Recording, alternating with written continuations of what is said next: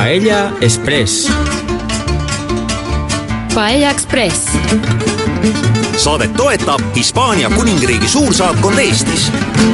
tere päevast, head kuulajad! tere tulemast Paia Ekspressile, korra nädalas väljuvale rongile, mis toob sinuni laule, lugusid ning põnevaid hetki Hispaaniast ja Katalooniast. tänane reis pakub meie meeltele õige hõrke elamusi, sest juttu tuleb Hispaania toidukultuurist.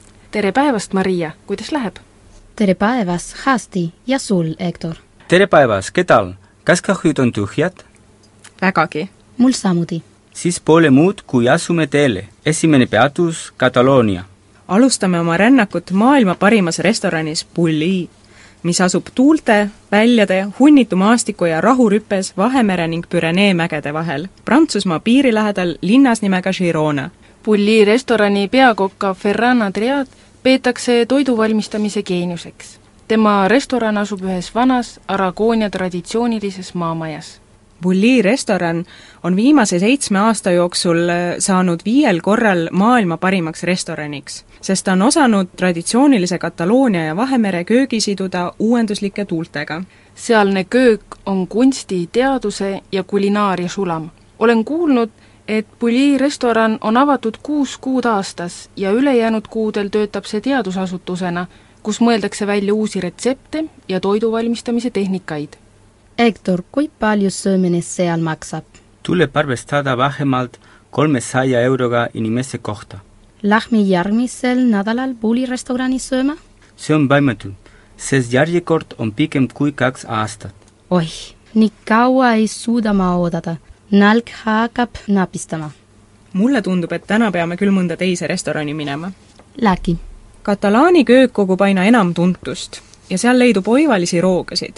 Hektor, sina oled katalaan, mida sa meile maitsta soovitaksid? esimesena soovitan sellist rooga nagu kalsots. kas kalsots on sibulad? enam-vähem. kalsots on Valsi piirkonna traditsiooniline söök.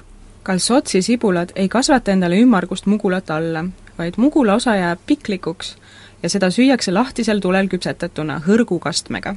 pühad, mil kalsotse süüakse, on väga kuulsad. kuidas need pühasid kutsutakse? kalsotades.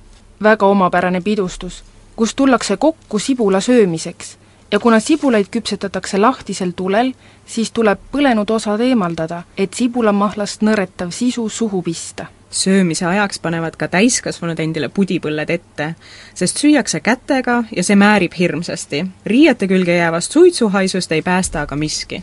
missuguseid tüüpilisi roogasid veel Kataloonias kohtab? mulle maitseb väga frikandoo, see on üks rokktigudest ja pammtomaketi pernil. see on rotsai tomaati, singi ja peterseliga.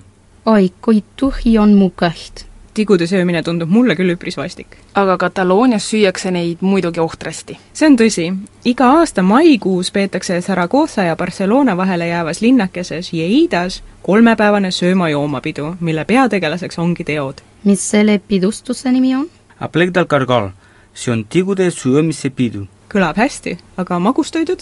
ma jumaldan katalaani kreemi ma tean, millest seda kreemi tehakse. munast ja piimast keedetud kreem kallatakse üle imeõhukese karamellikihiga, eks ole, ja süües ragiseb see lõbusalt hamba all. kelner, üks katalaani kreem, palun. mulle teine ja enne kui nälg nägemise võtab, kuulame Maneli laulu Merele, al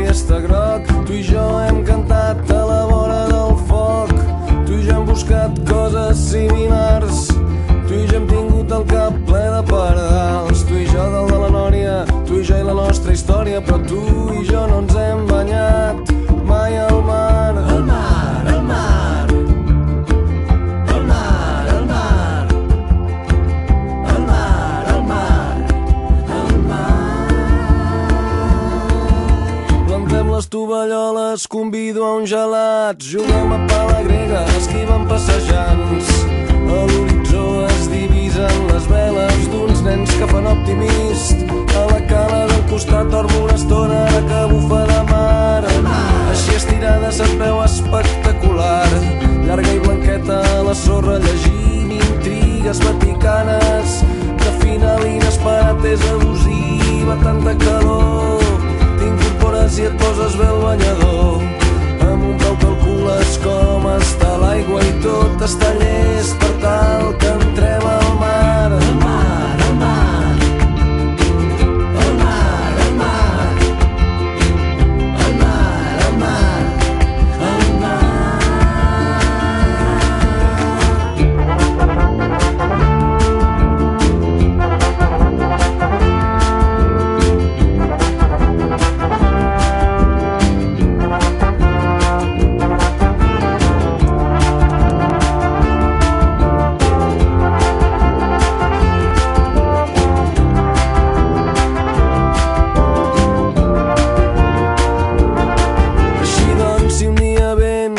passes per aquí i si malgrat la feina trobem un matí no em perdonaria mai, no podria assumir no agafar-te amb la moto i que no féssim camí molt lluny d'aquí.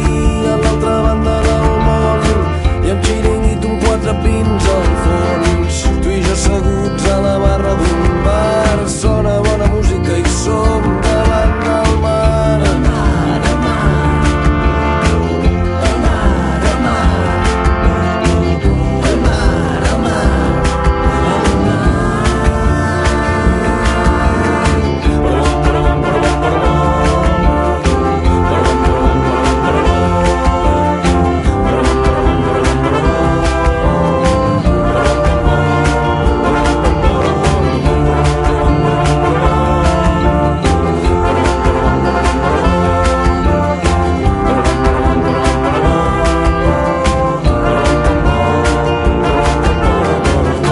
kuulate Paella Ekspressi saadet. täna reisime mööda Hispaania gastronoomia maastikke.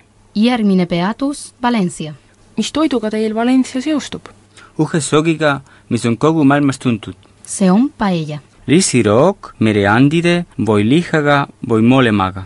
paljud eestlased teavad paellat ja neil seostub see alati Hispaaniaga. ometi seostub hispaanlastel see roog Valenciaga. selle toidu retsept on väga kerge. Samas on seda raske valmistada, sest selleks on lihtsalt nii palju erinevaid viise ja ka koostisained võivad pisut erineda. pärit on paella sellest ajast, kui peamine koostisaine, riis, Aasiast Euroopasse jõudis. tollest ajast alates on tehtud palju erinevaid riisiroogi, kuni kaheksateistkümnenda sajandi keskpaigas jõuti sellise paellani, mida praegugi süüakse. selle roa populaarsus on aina suurenenud ning seda võib leida paljudes maailma restoranides Hispaanias on tavaline, et pühapäeval või neljapäeval süüakse traditsioonilist paellat perekonnaringis. kas teie sööte sageli paellat? pigem teeme paellat kodus tähtpäevadel. või Soome seda restoranides. Paella on maitsev segu erinevatest koostisainetest. see on sisult väga lihtne roog, aga et see hästi välja tuleks, on vaja seda südamega teha. valisime selle toidu oma saate nimeks, sest meie arvates on Hispaania ka nagu paella, erinevate kultuuride segu. kui sellele veel Ladina-Ameerika kasted juurde lisada, oleme peaaegu paradiisis. mmm, täpselt nii. mis traditsioonilisi roogi Valenciast veel pärit on? traditsioonilist jooki nimetatakse horchata. Selle kohta, kuidas see jook nime sai, on üks lugu see oli Reconquista ajal, kuueteistkümnendal sajandil, kui Pyrenee poolsaare põhjaosas olid erinevad kristlikud kuningriigid. üks nendest oli Aragoni kuningriik ja kuningaks oli seal Jaime Esimene. legend räägib, et üks külaelanik oli toonud kuningale klaasi horchatat.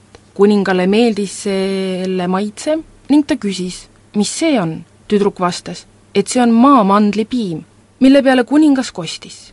Tüdruk, kulda väärt jook, mitte maamandlipiim. ja katalaanikeelsed sõnad tüdruk ja kuld kõlavad kokku horchata, nagu joogi nimi. ütlesite, et horchata tehakse maamandlitest. mis need on? maamandlid on väikesed mugulad, väikesed sõlmekesed, mis kasvavad ühe puu juurtel, mille vili sarnaneb sarapuu pähkliga. maamandleid tunti juba Vana-Egiptuses ja neil on magusapoolne maitse. Ma tean veel ühte väga head rooga, fidewa.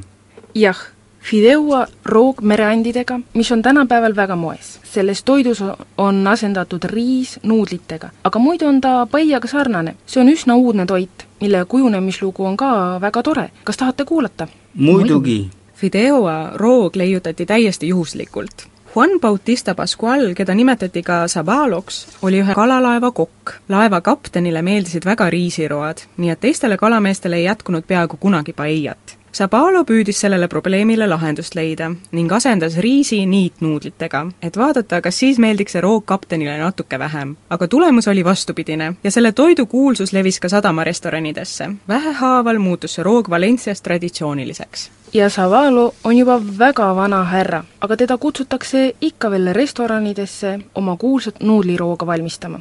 nüüd on köht tühi, reisime parem edasi. Ma olen kuulnud, et Lõuna-Hispaanias on head veini. siis lähme. Hector, sõidame ikka muusikasaatele edasi. ja, ja, lauluga, mis meid üleval hoiab. ehk kange maitsev kohv bändilt Noa.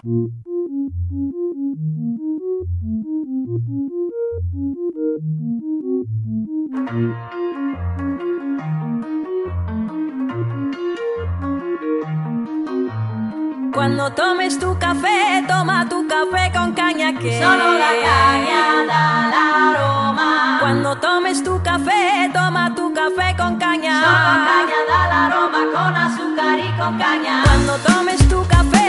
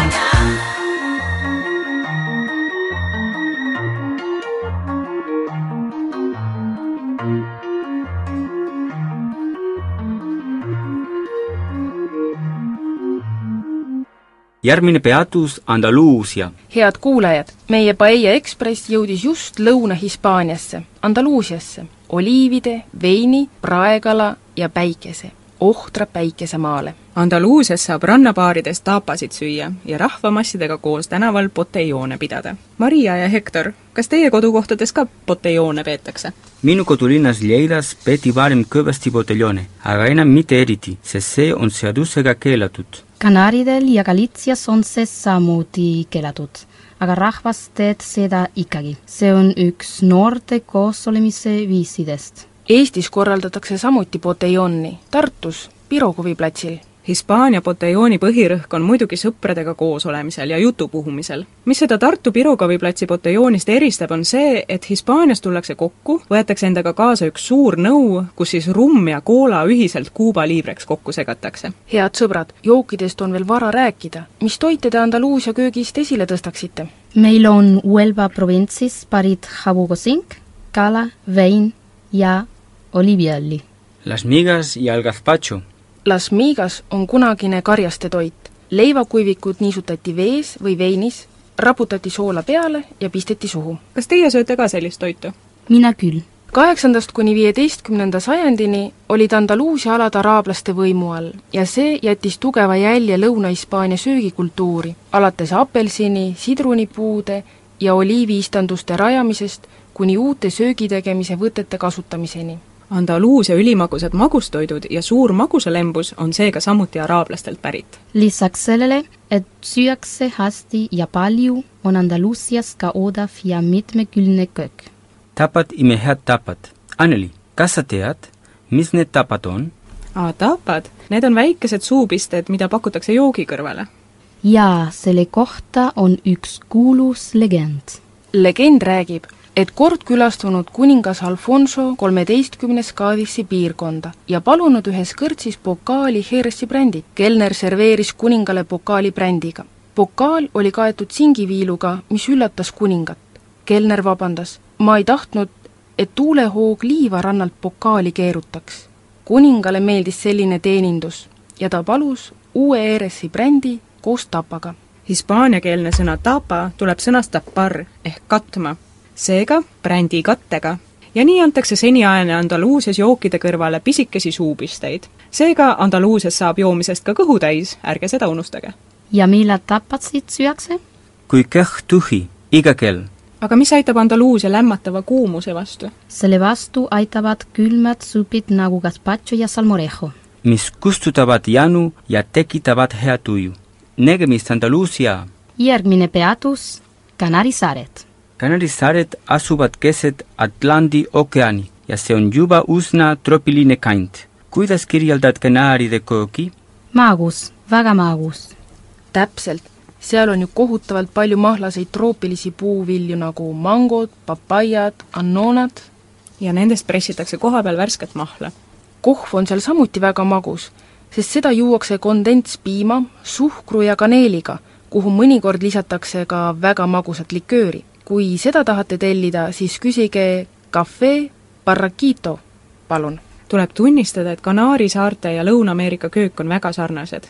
Anneli, räägi meile tüüpilistest rogadest. siis räägin ma teile kofiost. See on tume jahu, mida tehakse röstitud viljast. enne Kanaari saarte konkistat viieteistkümnendal sajandil elasid seal põlisasukad kautšed ja röstitud viljast tehtud jahu oli nende põhiline toiduaine. sajandid hiljem viisid Kanaaride emigrandid selle üle kogu Ladina-Ameerika, kuid samas toodi sealt erinevaid toiduaineid Kanaari saartele ka tagasi.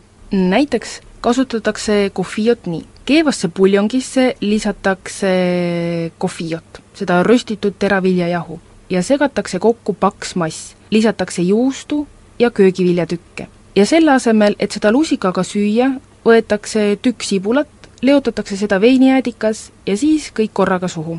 kas praegu ka kohvi süüakse?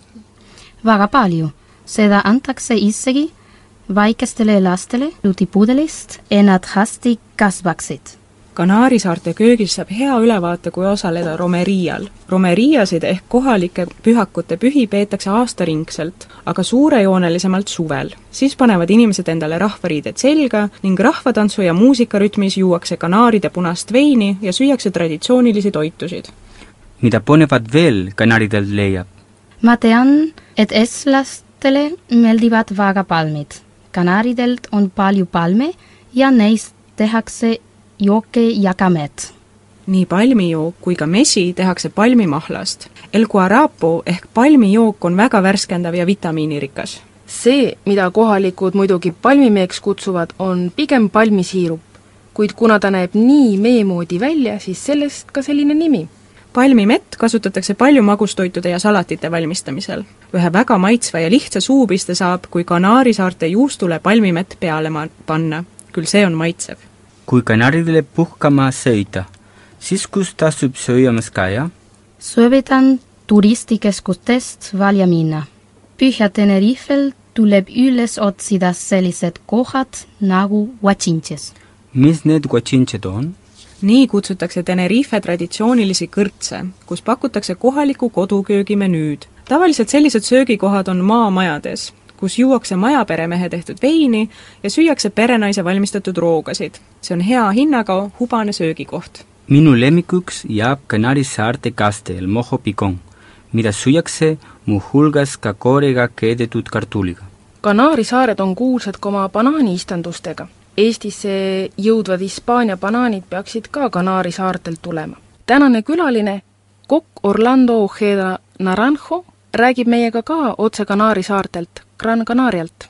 Hola, buenas tardes. Hola, buenas tardes. Hola, Tere Orlando, päevast. ¿cómo estás? tere päevast, Orlando, kuidas läheb? Para que lo sepan nuestros Hästi. escuchantes, et Orlando meie raadiokuulajad teaksid, siis meie vestluskaaslane täna profesional, Orlando lleva Naranjo muchos on años professionaalne en esta kokk. profesión, ta tegutseb seal juba mitmeid aastaid dedicado ja a- räägib meile veidi oma tööst. cocina. ¿Te, te ha kuidas sa kokana siempre tööle hakkasid, kas see on sulle alati meeldinud, que kas tegemist on que, pereäriga?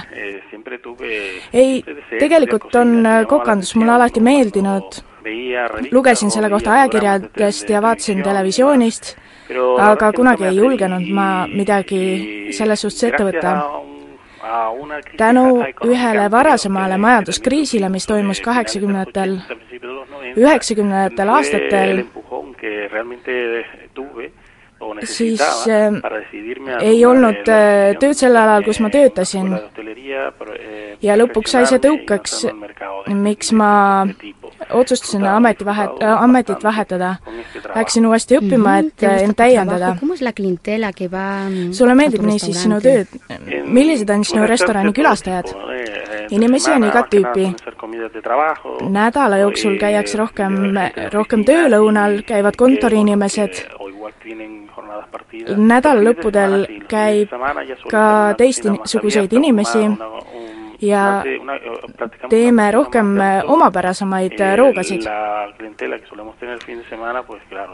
Nädalavahetusel on restorani külastajad pidulikumas meeleolus ja üldiselt on alati tegemist tänulike klientidega.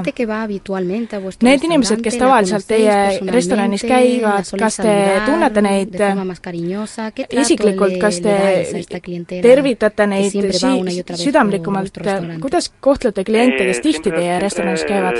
Al principio siempre se crea pues un alguses tekib alati veidi kaugem suhe, sest sa ei tea, mis inimestega on tegu, kas nad soovivad üksi olla. Eh, aga aja jooksul, kui nad järjest uuesti tulevad, siis tekib usaldus. klient soovib, et eh, sa talle soovitaksid mõnd rooga, mis teda võiks üllatada. Mõned kliendid on seejuures nõudlikumad kui teised, aga meie eesmärgiks on alati teeninduse osas osata klienti kuidagi rõõmustada. un cliente ja kui tegemist on hispaanlasest kliendiga, siis mida ta eelkõige nõuab? kas ta hindab head teenindust ¿Qué või toitu? eelkõige teenindust,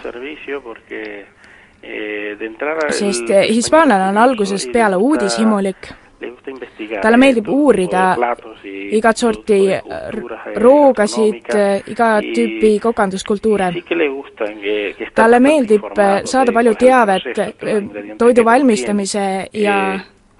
ja koostisosade kohta. ta on selle eest väga tänulik ja põhimõtteliselt hispaanlane võtab kõik vastu, mis sa talle ette kannad. aga üle kõige hinnatakse just head teenindust. Kanaaridel on palju turiste, oletan, et ka välismaalased külastavad teie turi-, teie restorani. mida välismaalased eelkõige nõuavad, mida neile kõige rohkem meeldib süüa? kahjuks on eh, lugu nii välismaalastega kui ka hispaanlastega nii, et, et kokandusele ja toidule suunatud turism on küll olemas, aga sellega tegeleb vähe, väga vähe inimesi. tihti üritame leida võõrsil roogi, mis oleksid sarnased meie ko-, kodumaa omale mina arvan, et see on eh, ekslik suundumus olen juba aastaid püüdnud näiteks Saksa turistidele pakkuda Saksamaa roogi, selleks et nad tunneksid end nagu kodus. aga ma ei poolda sellist mõtlemist. ma usun, et reisides peab proovima kõike, õppima kõige kohta, kultuuri ja looduse kohta, aga ka toidu kohta, mis on samuti osa kohalikust kultuurist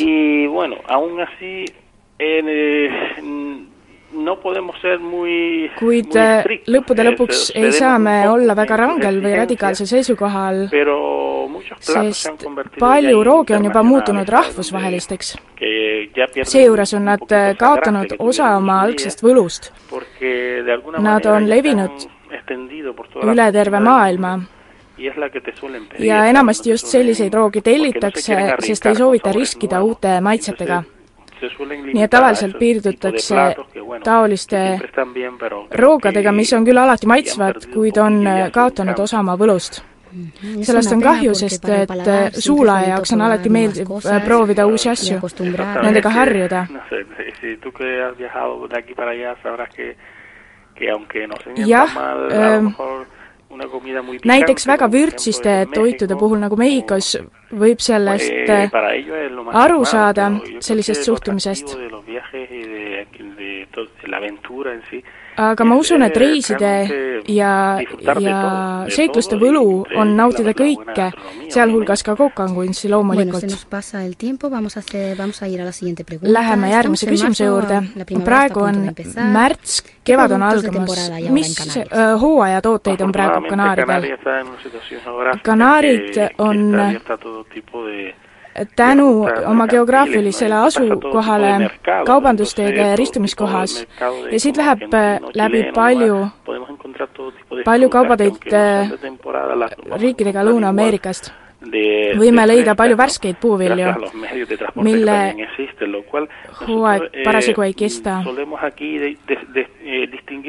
aga seetõttu eristame siin ainult kahe hooaja menüüsid, sest aastaajad erinevad Kanaaridel väga vähe. nii et meil on siin ainult kevad-suvine hooaeg ja sügis-talvine hooaeg. kevad-suvel mängime kõige värskega eh, puuviljadega, aedviljadega, köögiviljadega. sügistalvel mängime rohkem eh, pähklitega, kuivatatud puuviljadega. meil on väga avatud turg ja siia jõuavad igat sorti tooted kõigalt maailmast. nii et eh, hooajad ei sea sulle tänapäeval enam piiranguid Mm -hmm. hästi, tõmbame intervjuule joone alla, milline suupiste Ektapa on sinu lemmik? mulle viimasel ajal ei meeldi valida vaid ühte rooga, vaid proovida kõike erinevat, et saa, et saada kogemust äh, erinevatest maitsetest. ma ei ütle ära tüüpilistele Kanaari suurpistetele, näiteks eh, meeldivad mulle krõbekartulid, kala, eelkõige praetud kala, eh, naudin suupisteid eh, hea veinisaatel ja loomulikult heas seltskonnas, sest muidu toit ei maitse. Bien, pues muchas gracias. suur tänu, Orlando Naranjo Kanaaridelt. oli väga meeldiv sinuga rääkida, suur tänu ja kuulmiseni. jätame Kanaari saartega hüvasti. Kuubalase Michelle Chaconi lauluga La Banana, mille refrään ütleb ainus armastuse vili on banaan mu arm.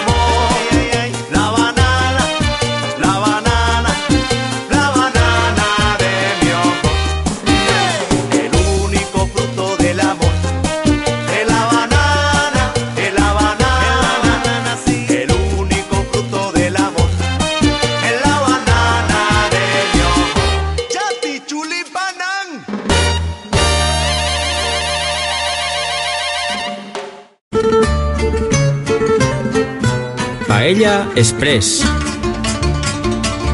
Paella Express. järgmine peatus Baskimaa. Bahia Ekspress on toonud meid suurte kokkade maale, Baskimaale Põhja-Hispaanias. sõbrad, kus te olete? me istume Concha ehk merikarbi rannas ja sööme turska pilpillikastmes ja joome kõrvale Rioja veinikest. tursk pill-pillkastmes on traditsiooniline baski toit. see on tursk oliiviõli, küüslaugu ja tšillipipraga. Kas selline lõunasöök sobib sulle, Maria?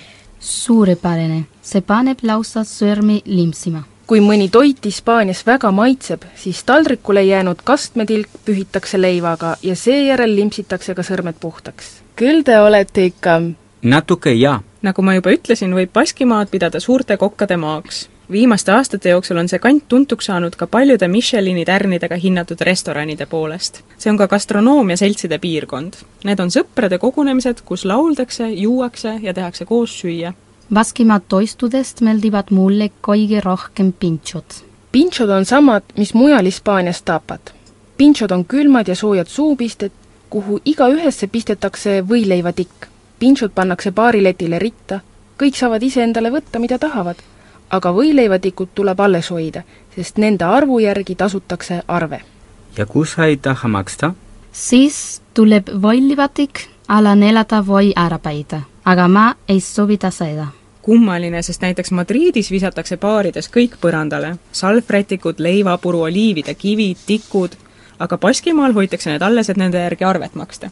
mis toite meil peale tursapilpil, kas me ja pinchode tänaseks veel on? oota küll, homme keskpäeval annab Carlos Argignano meile mõne retsepti.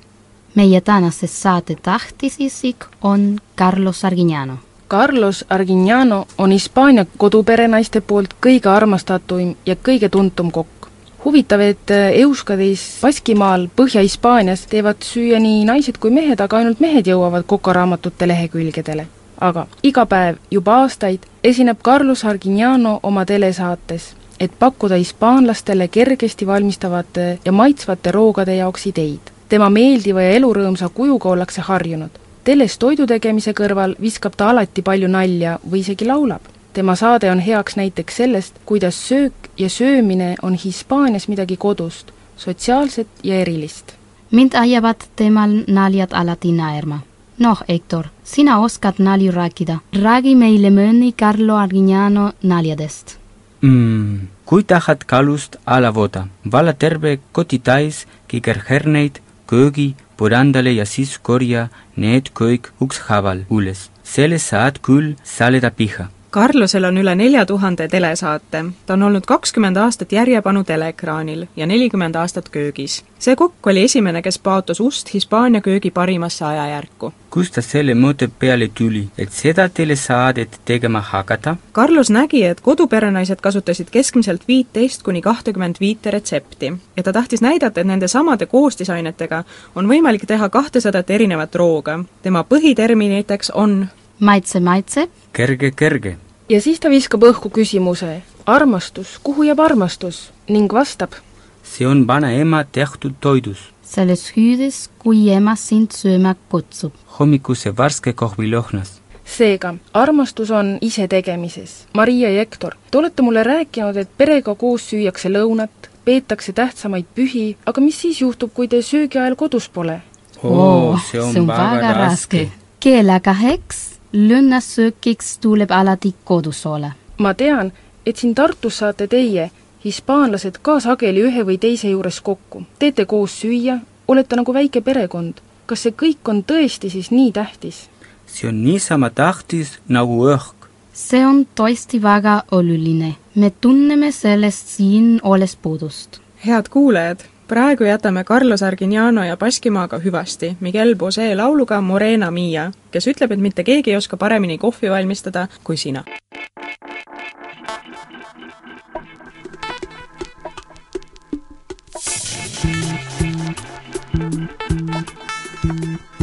Morena mía, voy a contarte esta diez. Uno es el sol que te alumbra, dos tus piernas que mandan, somos tres en tu cama. Tres, morena mía. Y el cuarto viene después. Cinco tus continentes, seis las medias faenas de mis medios calientes. Sigo contando ahorita.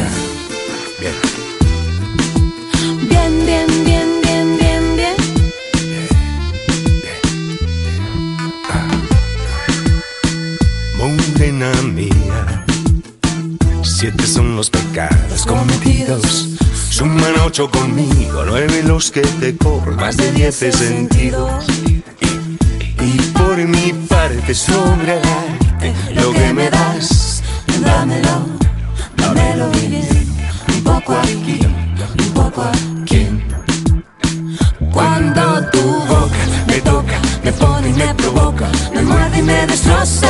Toda siempre es poca muévete bien, que nadie como tú me sabe hacer café. Mata, me mata y me remata. Vamos para el infierno, aunque no sea eterno, suave bien bien, que nadie como tú me sabe hacer café. Pero cuando tu boca me toca, me pone y me provoca, me muerde y me destroza toda, siempre es poca y muévete bien, bien, bien, que nadie como tú me sabe hacer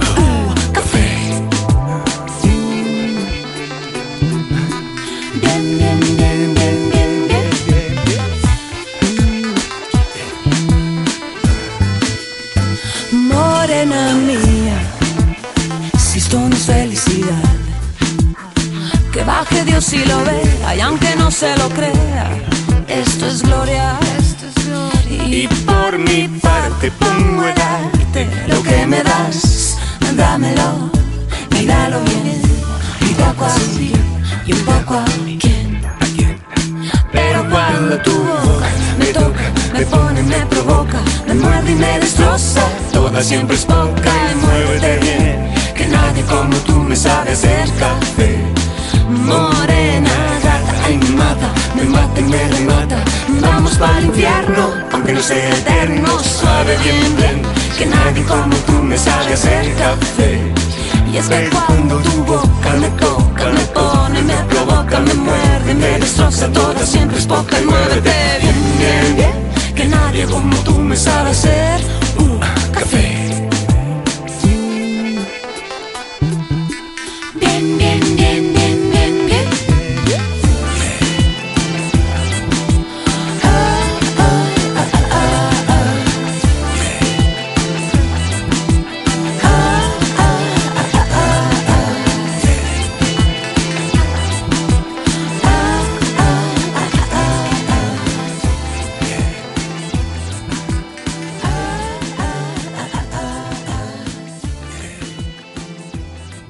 Järgmine peatus Galicia. räägitakse, et Galitsias süüakse väga hästi.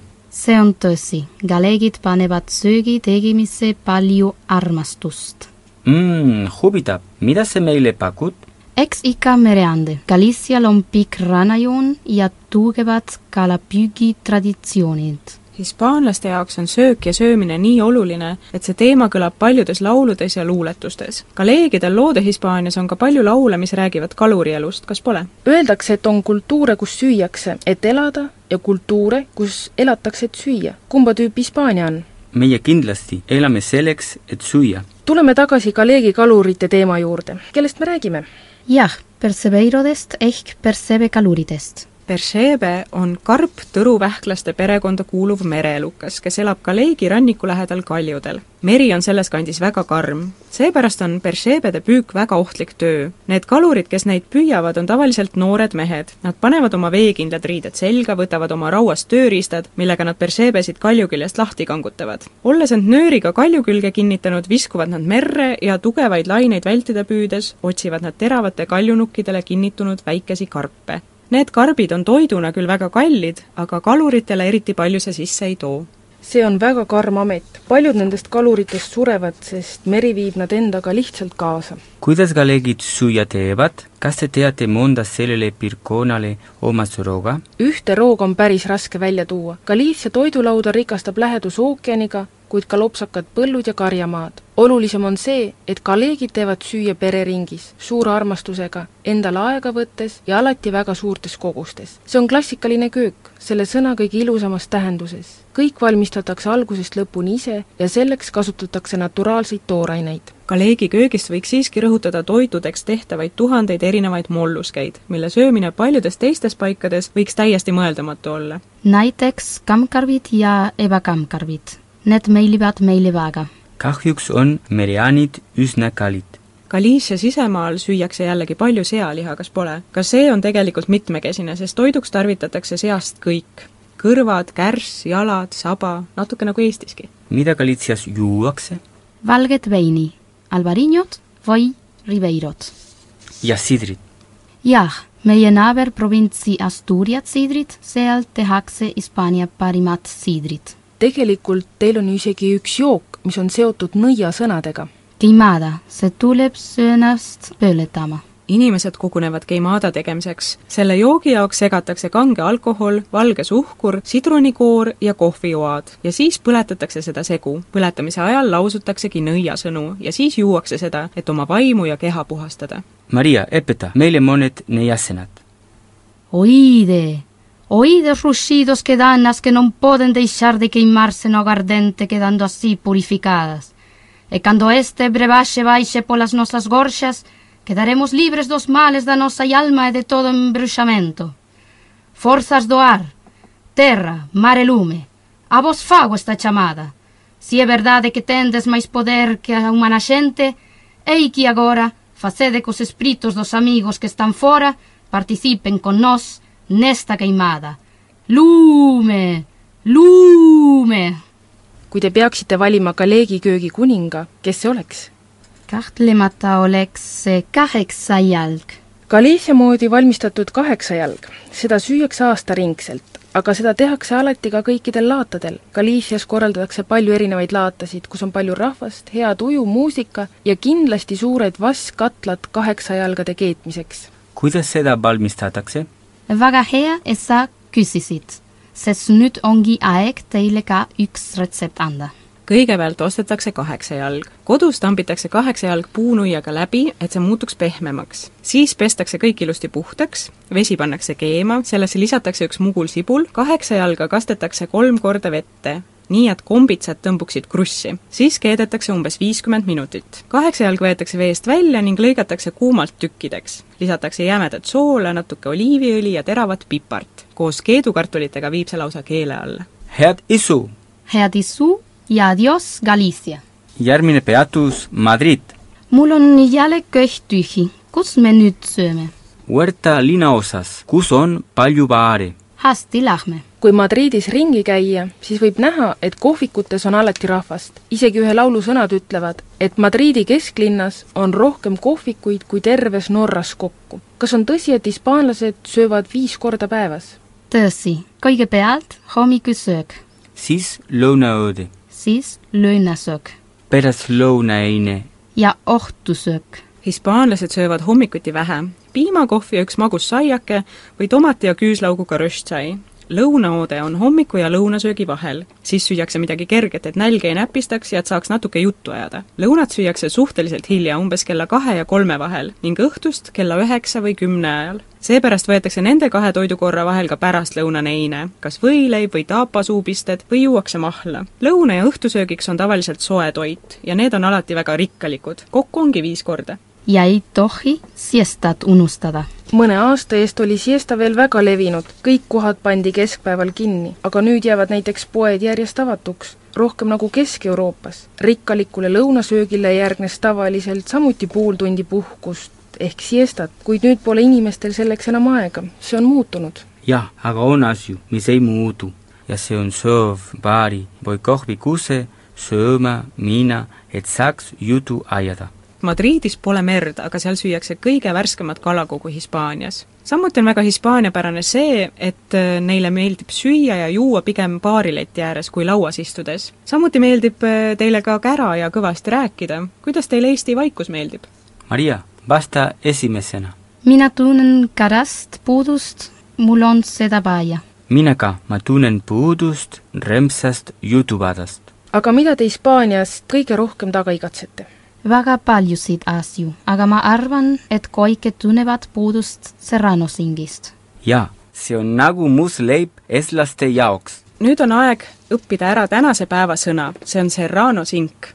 Hispaania keeles on see jamon serrano. arvatavasti te juba teate, et Hispaanias räägitakse lisaks hispaania keelele ka teisi keeli. Katalaani keeles on see pernil serrano. Galegi keeles jamon serrano.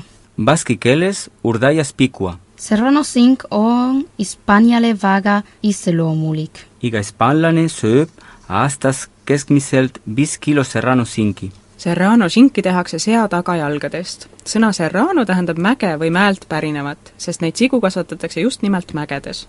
sea tagajalad soolatakse ja jäetakse õhu kätte kuivama. liha laagerdumisaeg võib kesta ühest kuni kümne aastani, millest sõltub hiljem ka liha kilohind, mis võib küündida kümne tuhande kroonini. tavaliselt lõigatakse singist väga õhukesed viilud ja see sobib ülihästi peaaegu igasuguse söögi juurde. Serrano singi valmistamise traditsioonid on eriti tugevad Terueli piirkonnas. tänaseks lõpetame teema, mis pani loodetavasti kõigil suu vett jooksma. järgmine kord räägime Hispaania pühadest ja pidustustest. täname Orlando Ojeda Naranjot, kes rääkis meile Hispaania restoranide elust otse Kanaari saartelt ning täname Tartu Ülikooli magistranti Päivit tõlke eest. aitäh, Hektor, Anneli ja Kairi! aitäh, aitäh, Maria! proovige siis kodus meie soovituste järgi kaheksa jalga valmistada või vähemalt paellat. Saadet jääb lõpetama Manolo Teena lugu Sangre Española, mis räägib maailmast teokarbis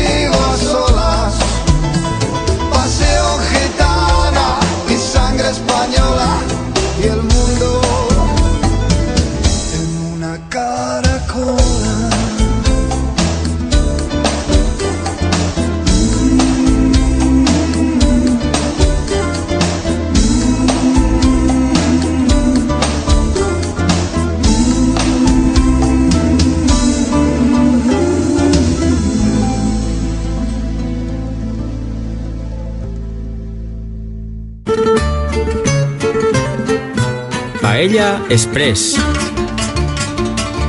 Paella Express. saadet toetab Hispaania kuningriigi suursaatkond Eestis